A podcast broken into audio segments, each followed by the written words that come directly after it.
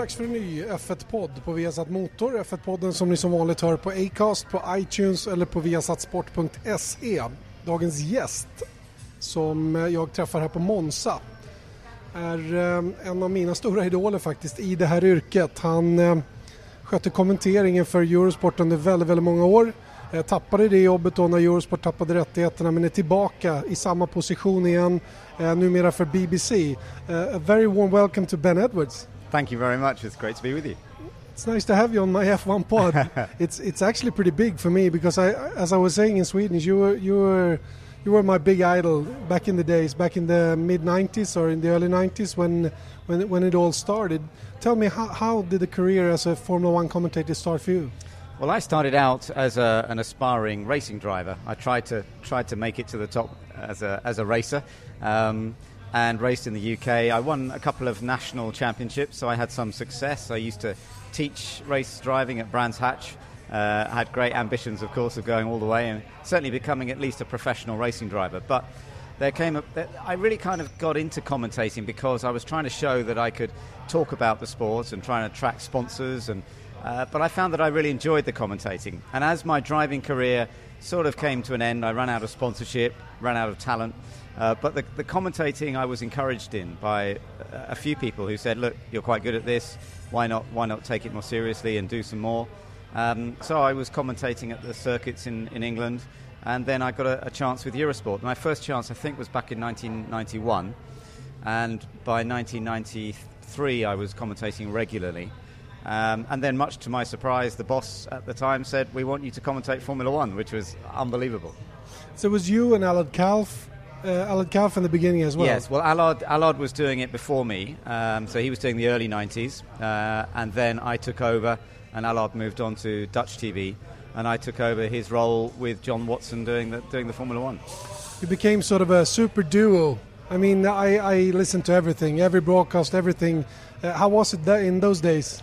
It was great. It was very different. I mean, nowadays I'm part of the BBC, and we turn up with a crew of about 35 people uh, and there's a lot of equipment, and we have you know facilities in the TV compound.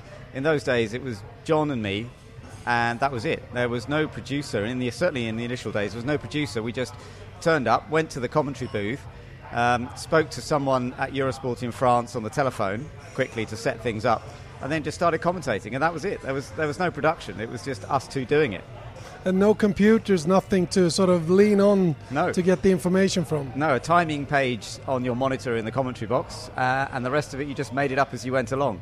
No internet to study all the stories. Uh, you know, it was a very different time, but it was very enjoyable. So um, after your period with Eurosport, they, they lost the, the rights for Formula One, and it, it all came to a stop for you. That's right, yeah. Um, so at the end of '96, after Damon Hill won the World Championship, um, Eurosport lost the rights, and 97 and onwards, I, I, stayed with Eurosport and commentated on champ cars in the States. I was going backwards and forwards, so it was a, it was a lot of travelling, but it was a brilliant time because it was the time of Alex Zanardi and then Juan Pablo Montoya. Um, Dario Franchitti was, was just coming on stream then as well. It was, it was a brilliant time to be involved, and I, I, I don't regret that at all. It was a fantastic opportunity. But I was out of Formula One. I came back into Formula One in a way in 2002, but I wasn't here at the tracks. I was commentating for Sky Digital in the UK, which at the time was a pay per view service. And we did all that from Biggin Hill, from Bernie Ecclestone's base uh, in Kent.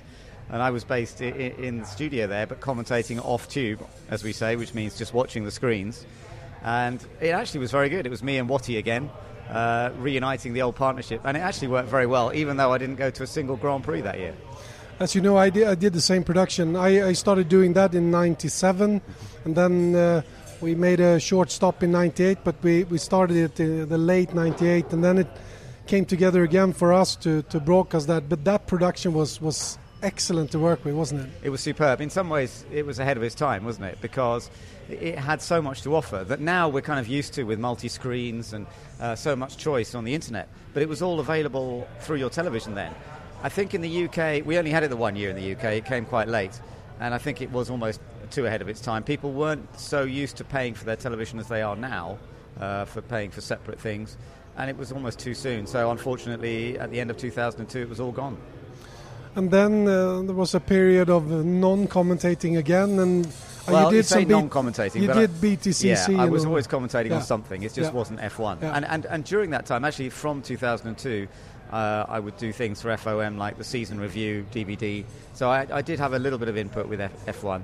But yeah, I was concentrating on British touring cars at that time. I was also doing World Speedway Championship, which was different and a great fun. I really enjoyed World Speedway. Um, but always keeping an eye on Formula One, always hoping there might be a chance to get back in somehow. And the chance came when BBC uh, entered the, the arena, and uh, I guess it was a long sort of period before you knew that you got the job. Well, I didn't get the job, of course. Initially, when the BBC came in, I applied for the job, uh, and they talked to me quite seriously. But then, in the end, they gave the job to Jonathan Legard, who'd been the radio commentator for BBC, and totally understood why they did that. But then uh, things changed, and they, they changed the commentary a bit. And for a year, Martin Brundle and David Coulthard were commentating together. But that was then when the split occurred in the UK between BBC and Sky and I got a phone call out of the blue. I'd really almost given up hope of ever getting back onto the F1 stage. And then out of the blue, I got a phone call from the BBC saying, We need a commentator, we'd like to talk to you. And that's, that's how it came about. So I actually came in for 2012. So now there's uh, quite a different situation for you doing your commentary. I, I know what I have, sort of information wise. I guess you have even bigger resources. It's it's a completely different job, isn't it? It is, yeah. Uh, it's interesting, as you say, how the job has changed.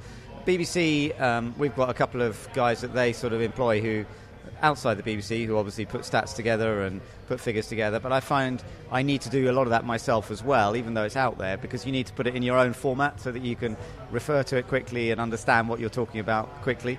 Um, but the internet age has certainly made things different. Stories fly around, rumours fly around, and you're trying to get on top of what's going on. And then ultimately, when we're calling the race, which is the bit I love, because you're simply reacting to what's actually happening. It's no rumour involved in, I don't know, Max Verstappen going around the outside of Blanchimont. That is pure fact. And you can just get into the moment, and that's what I love doing.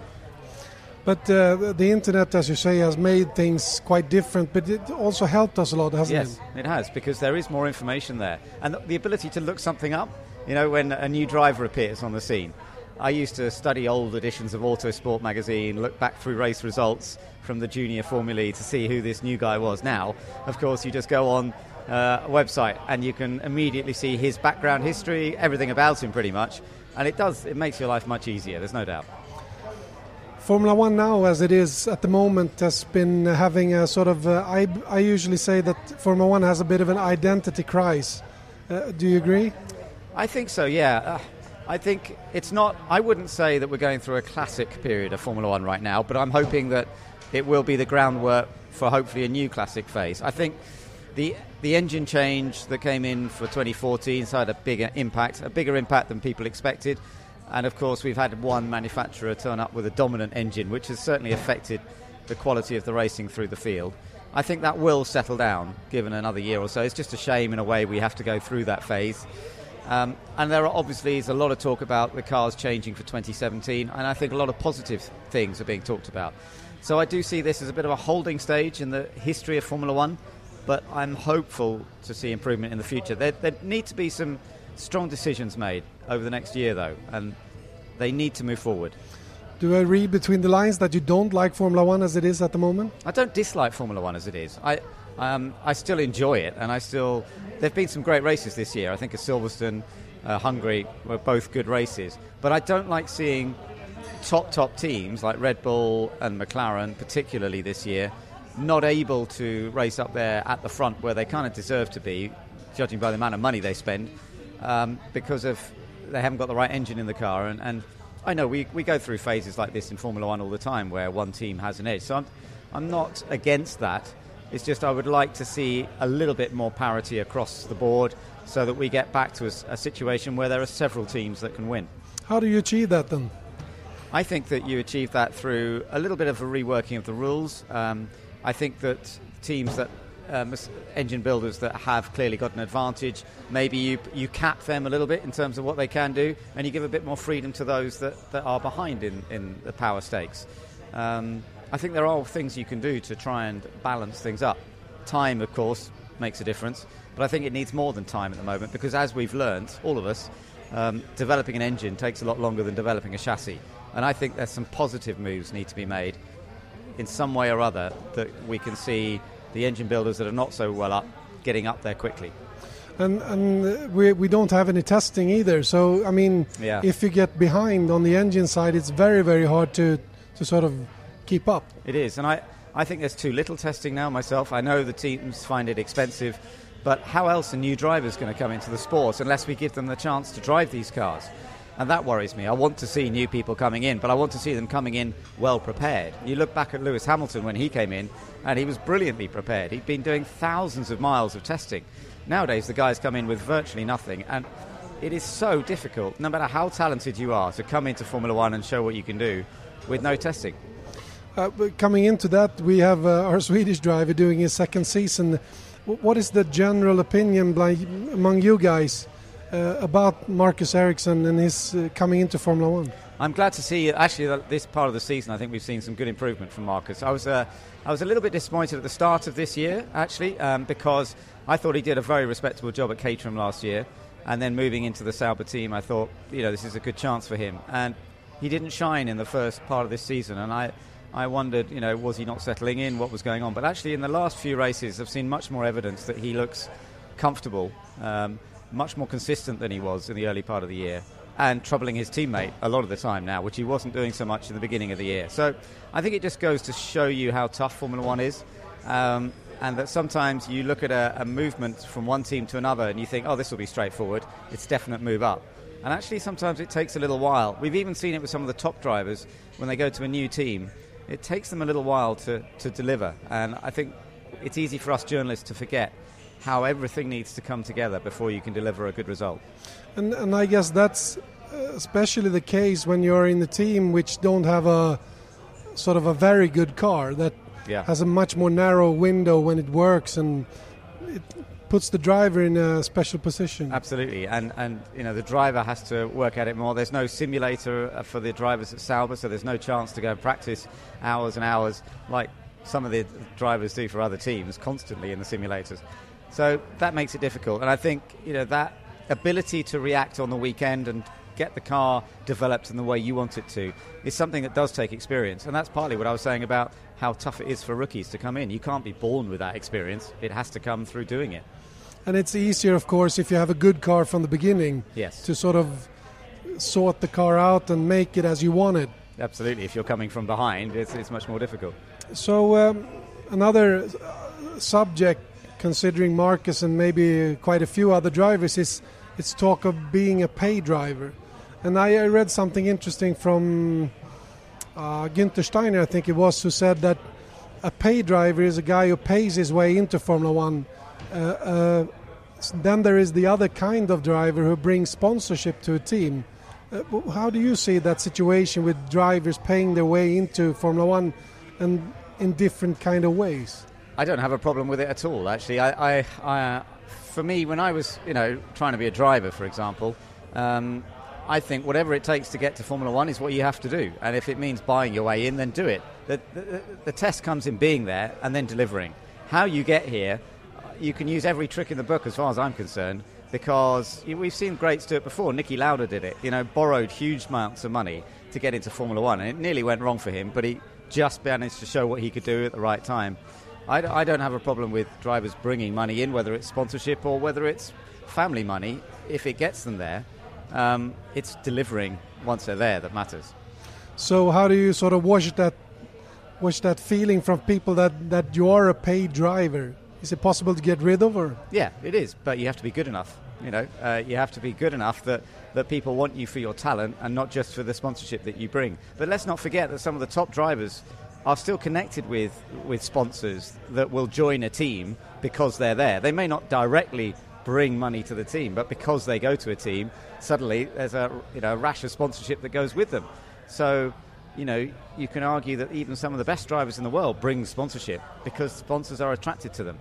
At the end of the day, you have to show what you're capable of, and if you're good enough in Formula One, you will hang on in there. You will you will stay there, and you'll move up through the different different teams, and hopefully end up in a top team. So from from our perspective, you and me as journalists, how how do we measure if a driver is doing a good job or not? Is it only compared to his teammate, or it's that's largely it? And I sometimes feel a bit, I sometimes feel a bit unfair in that we do that so much, but because for us it is the nearest reference, it is, and it's a valid reference. You know, Normally, being a little extra might be a bit much, but not when it comes to healthcare. That's why United Healthcare's Health Protector Guard fixed indemnity insurance plans, underwritten by Golden Rule Insurance Company, supplement your primary plan so you manage out of pocket costs. Learn more at uh1.com. Ryan Reynolds here from Mint Mobile. With the price of just about everything going up during inflation, we thought we'd bring our prices down. So to help us, we brought in a reverse auctioneer, which is apparently a thing. Mint Mobile unlimited premium wireless. Ready to get 30, 30, bit to get 30, bit to get 20, 20, 20, bit to get 20, 20, bit to get 15, 15, 15, 15 just 15 bucks a month. So, Give it a try at mintmobile.com/switch. slash $45 up front for 3 months plus taxes and fees. Promo rate for new customers for limited time. Unlimited more than 40 gigabytes per month slows. Full terms at mintmobile.com. in theory, the other guy has the same car. Actually, it doesn't always work out like that because there can be problems, you know, that we don't hear about.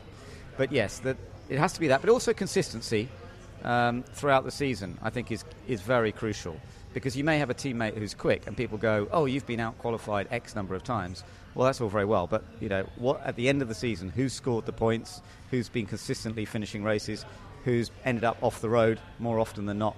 Teams don't like people who crash out regularly.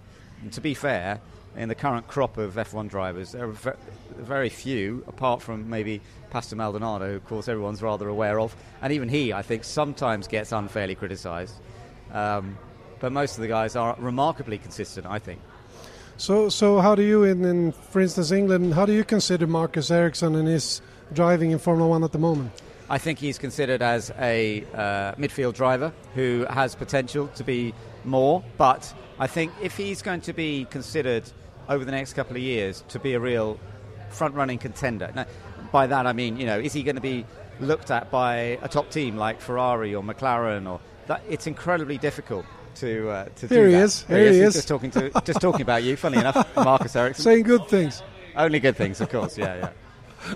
But to be for Marcus to be uh, on the shopping list, as it were, for Ferrari and McLaren, it's not easy. But he's got to he's got to be out there and regularly trying to beat his teammate, be in front of his teammate, and be shown to be a little bit of a team leader. If if there is um, if people get a sense that this young guy, he's part of a Sauber team, but he's got real direction to him, he really focuses the team, and they respond, and he delivers, then people start to take notice.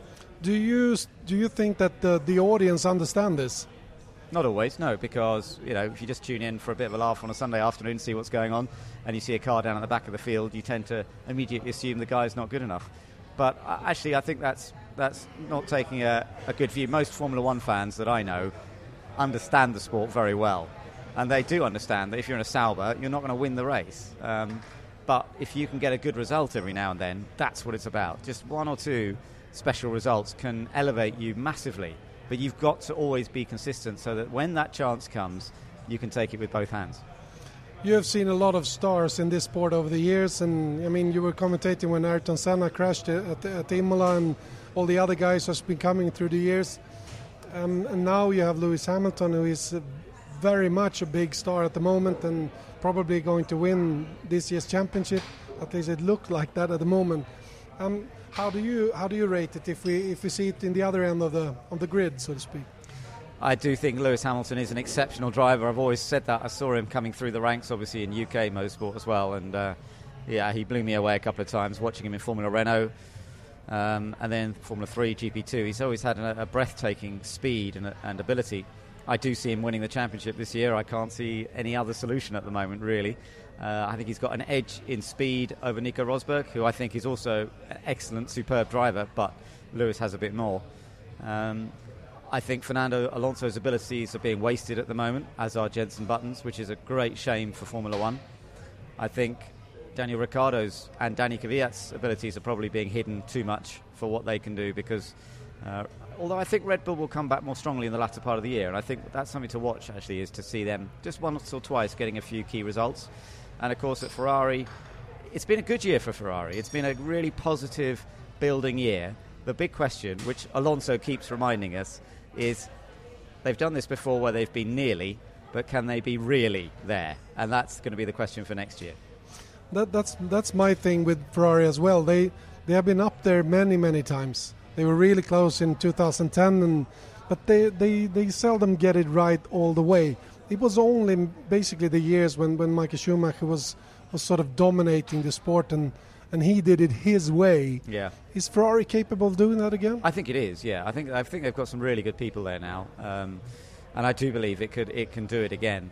It is, a, but it is a building process. I think obviously. A, as a Formula One fan who wants to see good racing, we want to see Ferrari up there and winning races. And I do think next year they'll be in a strong position, but I think it's still going to be very difficult to beat Mercedes regularly. I think they feel, though, if they can just start niggling away at them and, and, and just eating away at them a little bit more, they might force them into the odd mistake. Right now, Mercedes seem to have the edge most of the time. And even on days where it's not perfect for them and Ferrari have won a couple of races, Mercedes look kind of so relaxed about it because they know next time it'll be their turn again. But with the with the kind of budget that Ferrari has, it's kind of a low mark to have only two championships since 2007. Absolutely, I agree with you. No, it's been far too long. It's been much, much too long since Ferrari had a, a world championship. And uh, you mentioned 2010, incredibly close then. 2012, Alonso came close. I mean, that was a remarkable season finale. But Vettel snatched it again. And it could have been a very different story. I do, honestly, though, I do believe that, that with James Allison leading the technical side, they've got the, the crew in place to really, the next few years, to deliver more strongly and to deliver a, a championship winning campaign. But, you know, they've got it, the, the proof is, is, is still to be determined. We've got to see it for ourselves. Coming back to Lewis Hamilton, then, as a Brit, I guess the, the hype is very high in, in, in your country, isn't it? It is, yeah. Um, there's a lot of support for Lewis. Um, I wouldn't say there's a kind of um, mad groundswell of support everywhere. You know, he, he, he does split opinions a little bit uh, in the UK, but generally there is, you know, a massive amount of support. You only have to see the reaction at Silverstone uh, for for him. Um, he has his own lifestyle, and that doesn't suit everybody, you know. But I, I think fair play. New to hair color, yeah, as well? new hair color here, yeah. Um, but that's that's Lewis, and it makes him happy. And I, and I think he's really found himself over the last couple of years, and he knows what makes him happy, and that is living that lifestyle, the music lifestyle, the travelling lifestyle. He's not a at the moment. He's not a homebody. He's not somebody who wants to sit at home with a wife and a child. He wants to be living his life to the full. And if that makes him happy, then fair enough. But he must be one of the great drivers of, of all times in, in, in your country, isn't he? I think so. Yeah. I, I, for me, he has already kind of become one of the all-time greats. Um, I think you've got to almost wait until a career is finished before you can say that, because you have to see the ebb and flow of that success over a, a complete career. But how can you not, you know, list him up there with some of the greats? He's on target to become a three times world champion. As a Brit, we've only had one other Brit who's done that, and that was Jackie Stewart, of course. Um, so to match that, and then quite likely go on to more than that nobody's ever achieved more than three in the UK. So it would be phenomenal achievement if he can do that. In your opinion, who is the greatest UK driver of all times? That's a tough one. I tend to go Jim Clark, a man who, of course, was robbed from us too early in his career. Could have gone on to win more championships than he did. Um, he only won two titles before he was so tragically killed at Hockenheim. But I never saw him race. But reading all the books about him and listening to people who did see him race, he clearly had such a gift, such a brilliant natural talent, and he was a, a humble man as well, come from a farming background. Um, I would love to, I would love to have met Jim Clark. Uh, you know, for me, I think he still ranks as, as probably the best. Talking about a driver who, who went away too early, Ronnie Peterson died Yes. here at Monza. Uh, it could be a different. It could have been a bit different story for, for Swedish racing driver if he if he didn't had that crash uh, just here. Um, how important is it, do you think, to have these kind of mega stars to to keep the sport up there? Oh, absolutely. I mean, our figures on the BBC are really strong, and they've they've kept strong over the last couple of years. Whereas other broadcasters, it's dropped away, and I'm, I know that some of that is is the Lewis Hamilton factor. Uh, he keeps the interest going in Formula One in the UK, and it will help kids coming through in karting um, and in the junior single seater ranks. They all want to emulate him, so it's incredibly healthy for British motorsport to have that hero figure. To have Jenson Button there as well. I hope you know he sticks around a bit longer. Again, it's great for us as a country to have two drivers up there. Um, and new drivers coming along as well, which is which is massively valuable. Ronnie Peterson was was such a superstar. I mean, you know, growing up, um, he he was racing. Sort of the year I started getting interested was towards the end, sadly, of his career. But reading all about him and, and you know all the, his adventures and, and just the style of driving of Ronnie was was so inspirational. You know, for me when I was racing, you know, I'd love to have been able to to, to drive with anything like the verve and the skill that he had. Talking about this weekend, then coming up, uh, the Italian Grand Prix. What, what what's your expectations? I think again you've got to look at uh, Mercedes. Uh, it is an engine track; it's a power track. Last year, the top six cars on the grid were all Mercedes powered here, and I don't really see that being very different. But Ferrari are on home turf. They always want to deliver something for the Tifosi. They will do their utmost to try and come up with something here this weekend that gives them a, a, an opportunity to at least give the Tifosi something to cheer about. Um, they, they do feel, maybe they feel a bit under pressure, but they also want to give something back to the fans. So I think Ferrari, despite the Mercedes power unit being so strong, will they'll be in the fight there somewhere, I'm sure. But I think ultimately Mercedes will be very tough to beat. Um, uh, a lot of talks, of course, about Lotus uh, coming here very late with the, with the race team at least, and uh, a possible takeover from from Renault. Uh, have you heard anything about that? And you know what's happening? Not anymore, I'm afraid, than than we've all heard really. Which is, it sounds like there's a decision about to be made. We're hoping, in a way, that that decision is made because right now, Lotus needs forward direction as a team. They're on a complete holding pattern at the moment with no money to really uh, run the cars on. So we just want something sorted there that can see those guys. A really talented bunch of engineers, mechanics, people back at the workshop. I want to see them have a bit of confidence that they've got a, a, you know their their jobs are safe and that they can move on because you, we saw what they could do with Romain Grosjean finishing third at Spa on very little money, and you just think if there was some money injected there and some real investment, then they could again be a top team. Yeah, it seems like they have a good organization and a, a good facility, and they yeah. have all the tools to be good, but the lack of money. The lack of money is painful, isn't it? Yeah. And you know, when you see the amount of money that Mercedes, Ferrari, Red Bull put into developing their cars, even with the limitations nowadays on how long you can use the wind tunnel and all this sort of stuff, it's still the, the, the big spenders that can develop the cars more quickly through the year. And you know, without that, you can't compete. We also had some driver announcements today that Williams is keeping both Felipe Massa and Valtteri Bottas. Um, the silly season is not being as silly as we, we hoped it should be. It's quite calm, isn't it? Yeah, it that's right. There's not many changes. The, the Kimi Raikkonen decision at Ferrari has kind of left not many options elsewhere. And um, I, I, think it's interesting, obviously, that Hulkenberg has done the deal with Force India. I think he feels. surprised you? Did you surprise no, you? it didn't really surprise me. I think he feels very comfortable there. And I think he's actually so pleased with the car that they delivered in the second half of the season. Really feels it's a car he can work with. And I think he wants continuity of that. Why start again somewhere else? You know, he came to Sauber, struggled a bit in the early part of that year that he was with the Sauber team. The latter part of the year, he kind of really got it together. Especially here. Yeah, yeah, exactly. So it, he, I think he realizes as much as anybody that if you switch teams, you often lose a few months in readapting and we were talking about that with Marcus earlier, coming here from Caterham. It does take, I think, a few months to readapt. And Nico doesn't need that, you know, and I think he's got the opportunity, hopefully, to race with Porsche in, at Le Mans. That was my next question. If yeah. you think that is, uh, he's been able to.